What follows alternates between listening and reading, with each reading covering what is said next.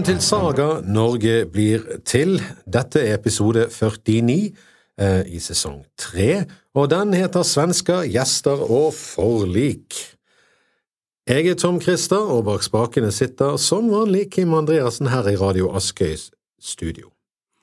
Vi avsluttet siste episode med at det banket på døren i Kongsgården i Trøndelag, så det gjallet gjennom Gildehallen. Knock, knock, who's there? Vel, det skal ikke vi avsløre helt ennå. Først må vi snakke om gjester, for gjestene får en rolle i denne historien.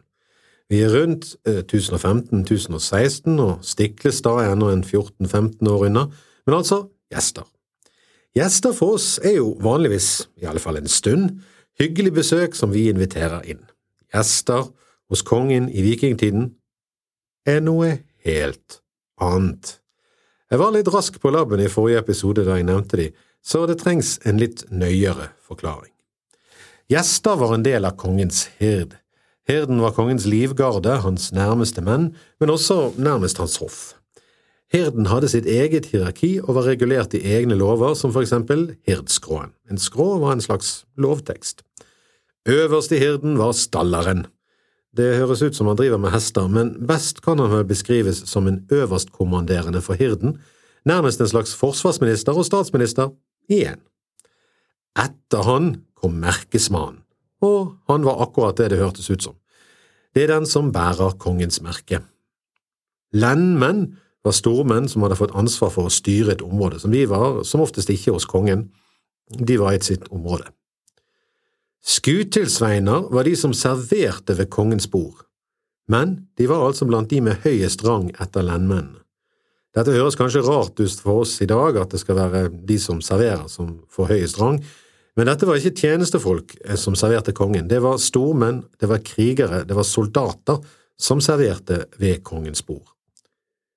Kjertesvein var under der igjen, det var en slags unge lærlinger ved hirden, som oftest var god ett, og som ville bli skutt til sveiner når de var ferdig med læretiden.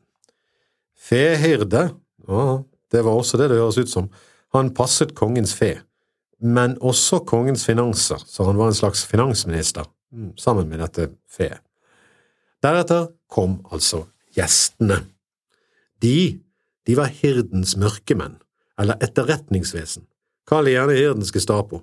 De hadde plikt til å gjeste andre menns hjem, gjerne ubedt og ikke bare i vennskap, og finne ut om kongen hadde uvenner rundt omkring i riket. De var kongens vaktstyrke og etterretningsvesen, fikk halv hirdlønn og fikk sitte ved kongens bord til jul og påske, men ellers ikke. Vi er jo ikke ha sånt folk ved bordet sitt hele tiden. Herlighet. De har jo både vært her og der og drept hvem som helst. Men etter det så må vi tilbake igjen til Nidaros og kong Olav, og dørbankingen. Det er ikke vikingtidens svar på ring og spring, det viser seg å være to av Sveakongens mest betrodde menn, Torgaut Skare og Askaut Aarmann. De er altså brødre. Eh, det skulle du ikke tro ut ifra navnet, men de er det. De og deres 24 betrodde menn er vel det vi kan få kalle skatteoppkrevere fra Sverige. Ja, da var det skatten, da. Ja, de har gått rundt i svenske kongens Føradette skattland i øst i Norge og sagt Jaha, da var det skatten, da. Og hva har bøndene sagt? Ja, jo, de har vært positive på et vis på et veldig inntrøndersk vis. Når svenskene har bedt om selvangivelse og skattebetaling, har bøndene sagt ja, ja, ja, ja, ja, vi skal betale skatt til Olav. Eh, det kan være det samme om det er Olav Digre eller Olav Skjøtkonung, men vi betaler bare til én Olav om gangen, som rimelig er. Så enten så får dere droppe dette, eller så får dere en garanti fra norske Olav om at han ikke vil kreve inn skatt også. Det får da være en måte på grunnrente her. Som to karakterer i en svært dårlig svenskevits tar Pekka og Toivonen, unnskyld, Tor Gaut og Askaut bøndene på ordet. De drar til Norges konge for å få han til å love å ikke kreve inn skatt i sitt eget land. Det prosjektet kan vi tro det er lite sannsynlig at det blir stor avkastning av, men nå banker altså Torgaut og Askaut på døren i tronsalen i Nidaros. Svenskevits? Nei, men muligens opphavet til svenskevitsenes gjennomgangstema, den litt enkle svensken. Eller for å si det rett ut, den dumme svensken er i denne historien Aschehoug. Det er han som insisterer på at de skal dra til Olav og be Olav holde seg unna skatteoppkreving. Torgaud synes det er en skikkelig dårlig idé. Etter å ha fått samme svar på flere ting i øst i Trøndelag, har Torgaud innsett at dette, dette blir ikke noe særlig gevinst av. Spesielt eh, mener han det da de i Skaun innkaller til ting, og ingen møter opp. Altså, det kommer ingen. Men det skal bli mye, mye verre enn det. En tøff i trynet og en meget skeptisk svenske trer fram for Olav, nå Haraldsson, eventuelt Digre, snart hellige, som to svenske vitser. Kongen ber de komme tilbake dagen etterpå. Ja, hvorfor da, da? Nei, Olav vil ikke snakke med de, han er midt i kveldsmaten, kom tilbake i morgen. Som sagt, så gjort. Torgaut og Askaut har snakket sammen på forhånd, selvsagt, og det kan ha gått til omtrent slik. Altså før de skal møte Olav neste morgen. Askaut starter. Torgaut, nu måste vi slå knyttnäven i bordet och krävja vår eh, konungens skatt. Asgaut, du er og blir en ass mer en gaut. Skal vi være enige om at ja fører ordet her? Ok da, men ikke noe men-ass. Hva sa? Nei, inget. Jeg tykte så visst jeg hørte Nei, du hørte inget. Og du holder kjeften. Ok. Neste morgen banker det litt forsiktigere på døren, og inn kommer de to gautene. Jaha, det var skatten, da, Torgaut legger frem sitt ærende, og han gjør det faktisk på en god måte og med akkurat riktig balanse. Eh, men Olav hører som ventet ikke på det øret. Er det én ting Olav vet verdien av, er det skatt og penger. Han svarer. Mens jarlen rådde for landet, så var det ikke underlig at landets menn viste de lydighet, fordi de var ettbårne til riket her. Men heller enn å bøye seg under utenlandske konger, så hadde det nok vært rett, rettere at jarlene var lydige til de konger som hadde rett til riket her, eh, men de valgte de utenlandske kongene. Men når Olav Svenske gjør krav for Norge, vet jeg ikke hva rimelige fordringer han kan ha, men eh, vi husker godt hva slags skade han har voldt dette landet med seg selv og sine frender. Det er en diplomatisk måte å si pakk dere åt helvete hemmet. Men Askaut er tro mot stereotypien om dumme svensker, så han bryter ut. Det er ikke underlig at du kalles Olav Digre. Med store ord svarer du en sånn stor konge som Olaf Hødkonung. Du vet nok ikke helt hvor eh, vanskelig og tungt og farlig det vil bli å, å føle den kongens vrede og hvordan det har gått med de som hadde større makt enn deg, men som har forsøkt det. Men du, hvis du vil holde fast ved riket ditt, da burde du heller dra til han og bli hans mann. Og da vil vi være med deg og, og, forsøke å få han til å love å gi deg dette riket i len. Jeg klarte ikke å ta den på svensk, men eh, Olav klarte heller ikke å ta den. For da tok han litt sånn stille og rolig ordet igjen og sier at eh, jeg vil nok råde deg litt annerledes, Askaut. Dra tilbake. Dra tilbake østover til kongen deres, og fortell han at eh, til våren vil jeg gjøre meg klar til å fare østover til landemerket, det som i tidligere tider har vært grensen mellom Norge og Sveakongens rike. Ja, hvis han tør, kan han komme der, hvis han vil, og vi kan avtale forlik, og hver av oss kan ha det riket han er odelsbåren til. Aschehoug er, er, i ferd med å prate seg til en krig, den løken. Torgaut gremmes, det går nesten an å høre gjennom sagaen hvordan Torgaut gremmes, og han skjønner, seg, skjønner at de må komme seg vekk før de drar vekk et hode kortere. Men vel ute for en eller annen av de for seg at de skal gå tilbake til kongen og forsøke å overtale han igjen. Mest trolig skjønner Torgaut at Aschehoug har gjort seg fullstendig bort og vil forsøke å liksom rette opp lite grann. Eller så er det kanskje Aschehoug som er hissig og vil fortsette kranglingen. Olav slipper de ikke inn igjen. Denne gangen banker de forgjeves på døren. Nok en gang bryter det nok ut diskusjon mellom brødrene, slik det ofte kan mellom brødre. Aschehoug min, minner om at svenskekongen også har landområder i Møre og Romsdal, etter den merkelige delingen av Norge mellom han og Knut. Aschehoug vil altså dra vestover da for å kreve inn skatter. Torgaut har problemer med å tro det han hører. Alle tingene har avvist de, ja, altså de som møtte opp. Og nå vil broen dra forbi kongen og videre ut vestover mot kysten og Mørene, altså et sted der retretten til Sverige er blokkert av kongen sjøl. Maken til tullprat har han aldri hørt, det får være grenser for søskenkjærlighet. Torgeir tenker nok at Askud ikke er dum nok til å sette av gårde sjøl aleine. Der skal han ta grundig feil. Så Torgeir tar sine menn med og setter kursen østover mot Svitjod, men tror du ikke Aschehoug sendte kursen mot Møre og Molde? Jo, jo. Når kongen får høre dette, så er det gjestene som får oppdraget. De blir sendt etter Askaut. og nå vet vi at dette ikke er så hyggelig som det høres ut.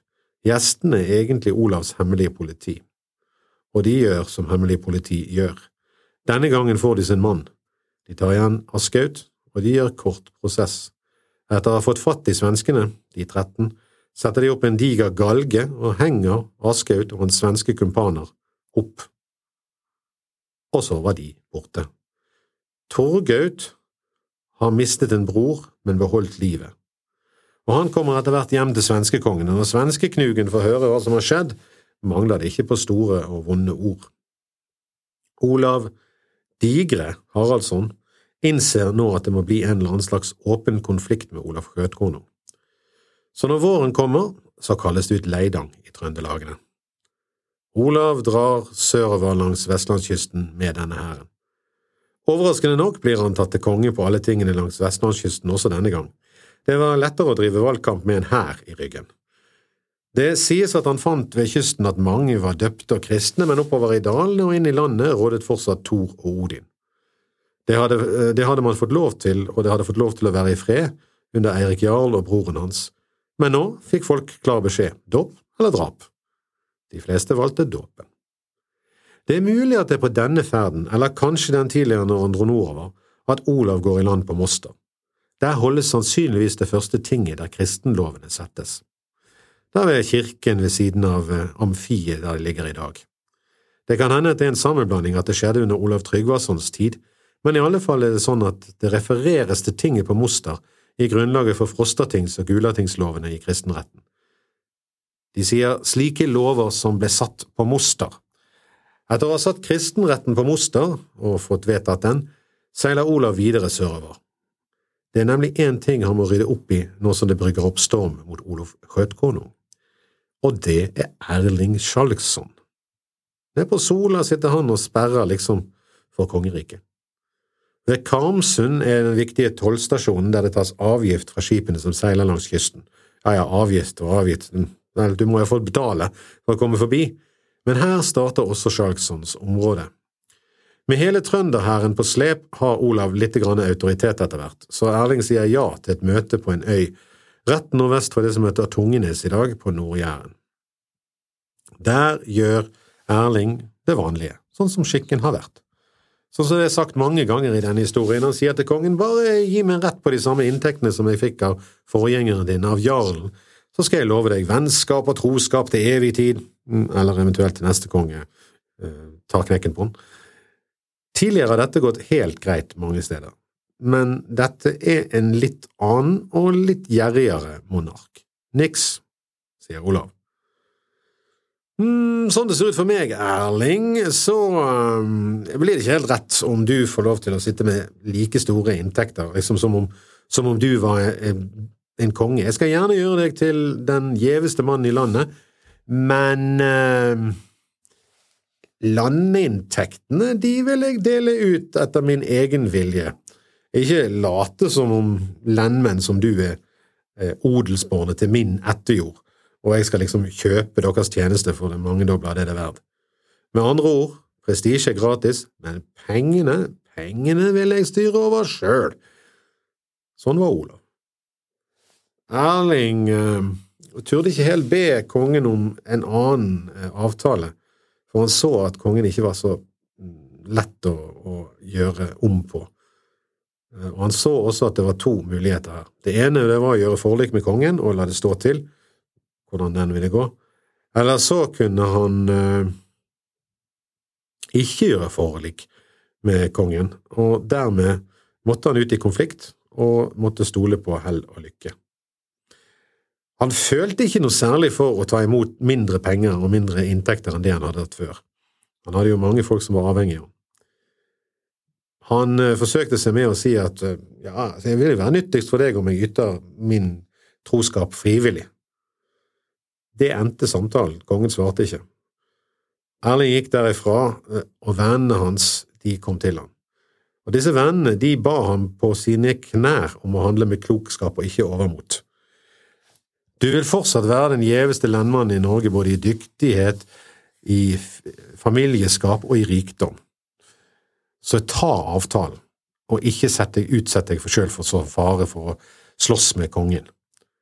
Og Erling han fant ut at i eh, møte med kongen og hans hær, så var dette et godt råd, og at de som forsøkte å gi det, de var velvillige til han og hans venner.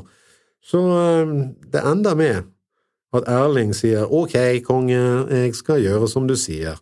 Du får eh, styre for inntektene, gi meg noe i hvert fall, så skal jeg være lojal så lenge jeg får lov til å styre her nede. Etter det skiltes de faktisk og var forlikte, og Olav hadde ryggen fri og kunne reise østover mot svenskene. Han hadde altså forlikt seg med Erling, og det siste hinderet for fullstendig kongedømme var over, og ganske riktig, de siste restene av Dana flykta hals over hodet fra Viken når Olav kommer seilende østover. Men nede i Ranrike, eller Bohuslän om du vil, er det litt mer komplisert. Svenskekongen har jo fått dette i delingen med Knut og med Eirik Jarl og Svein Jarl, og den svenske innflytelsen i området har økt og økt. Den gamle grensen, den gikk ved elv, eller Gjøteelv som det heter i dag, den er ikke lenger reell. Nå går egentlig grensen, den går i dag, ved Svinesund.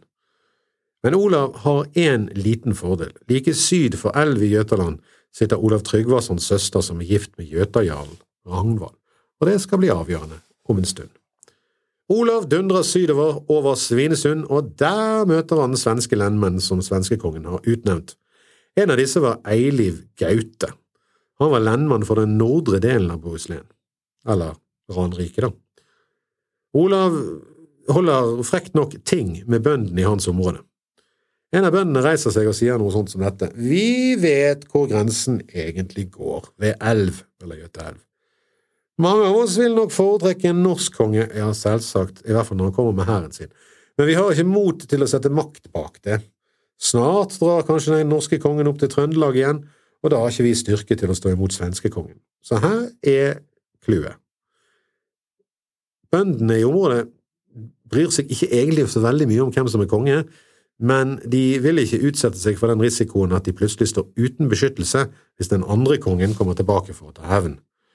Det var klare ord, men bøndene ønsket et ting mellom lendmannen og Olav, altså denne Eiliv. Kanskje ønsket de det mest for at de skulle unngå blodutgytelse og brente gårder. Og tinget ble det noe av. Men Olav hadde på snikfullt vis sendt en liten gruppe krigere på elleve mann under en Tore Lange til en av Eilivs støttespillere. Disse elleve og Tore var gjester hos Olav, altså igjen disse skumle gjestene som fikk rundt og gjør Olavs dirty work. På et eller annet vis så klarer de å bli med i Eilivs flokk på tinget. Så når tinget er begynt, og alle har samlet seg og bøndene sitter rundt og alle gjør klar, så skal Eiliv tale. Og idet han åpner munnen, så hugger Tore rett og slett hodet av ham der og da. Altså, dette er jo et brudd på tingfred og alt mulig, men han hugger hodet av ham, og det blir bråk, ja visst blir det bråk, men gjøtene, altså Eilivs uh, allierte, de løper sin vei. Og Tore hugger ned de han får tak i. Det var ikke enkelt, men bøndene på tinget ble likevel etter hvert roet ned. Eh, det er mulig at Olavs hær hadde noe med det å gjøre, og det sies at det ble talt lenge og vel. Enden på visen blir at kongen Olav Digre lover å ikke dra derifra før han og svenskekongen har kommet til et forlik. Og det høres jo ikke helt enkelt ut. Men etter dette så går det relativt greit, den neste lendmannen gjør ingen motstand, og Olav får de berømmelige skatteinntektene hele veien ned til elv. Svenskekongens skatteoppkrevere får ingenting. Ved fossen Sarp grunnlegger nå Olav det som skal bli Sarpsborg, og etablerer et kjøpsted der. Hvorfor gjør han det? Jo, det får vi snart se. Det viser seg at Olav har en plan, han starter en handelskrig. Og sentralt i denne handelskrigen er sild, eller saltsild. Det viser seg at eh, sør for elv er de helt avhengige av å importere mat i form av saltsild fra Norge. Når denne handelen stopper opp, så blir det et voldsomt press på de sør for elven. Og der sitter som sagt Olav Tryggvasons søster og hennes mann Ragnvald Jarl. De blir Olavs allierte inn mot Olof Skjøtkonung, og det er de som appellerer til å få til et forlik. Men helt frem kommer de ikke, så Olav må sende sin stallere, Bjørn, for å snakke til tinget der Olof Skjøtkonung skal være. Men akkurat det tinget skal vi komme tilbake til i neste episode. Før vi avslutter, og vi avslutter med at Olav står med hele sin hær i Bruslén, at Olav Skjøtkonung begynner å ane at det er på, noe på ferde i hans rike, og at Ragnvald jarl i Jøtaland og hans kone, søsteren til Olav Tryggvason, drar østover sammen med Bjørn Stallere for å finne en løsning på dette. Hvordan det går, får vi høre i neste episode, men akkurat nå skal vi gjøre det vi pleier å gjøre ved slutten av disse, disse episodene. Vi skal lytte litt til et vers fra Håvamål. Og vi er kommet til eh, vers åtte. Det lyder sånn. Sele den som med seg munn vinne fagre ord av folk, enda det ymist med det du eig i annan manns barm. Det som sies her, er at det er kjekt å få gode ord, og det er kjekt å få skryt av andre, men du skal være litt forsiktig. Det er ikke så greit å vite hvor mye de egentlig mener med det når det kommer til stykket. Mitt navn er Tom Christer, og bak spakene har Kim Andreassen styrt lyden. Vi høres snart igjen.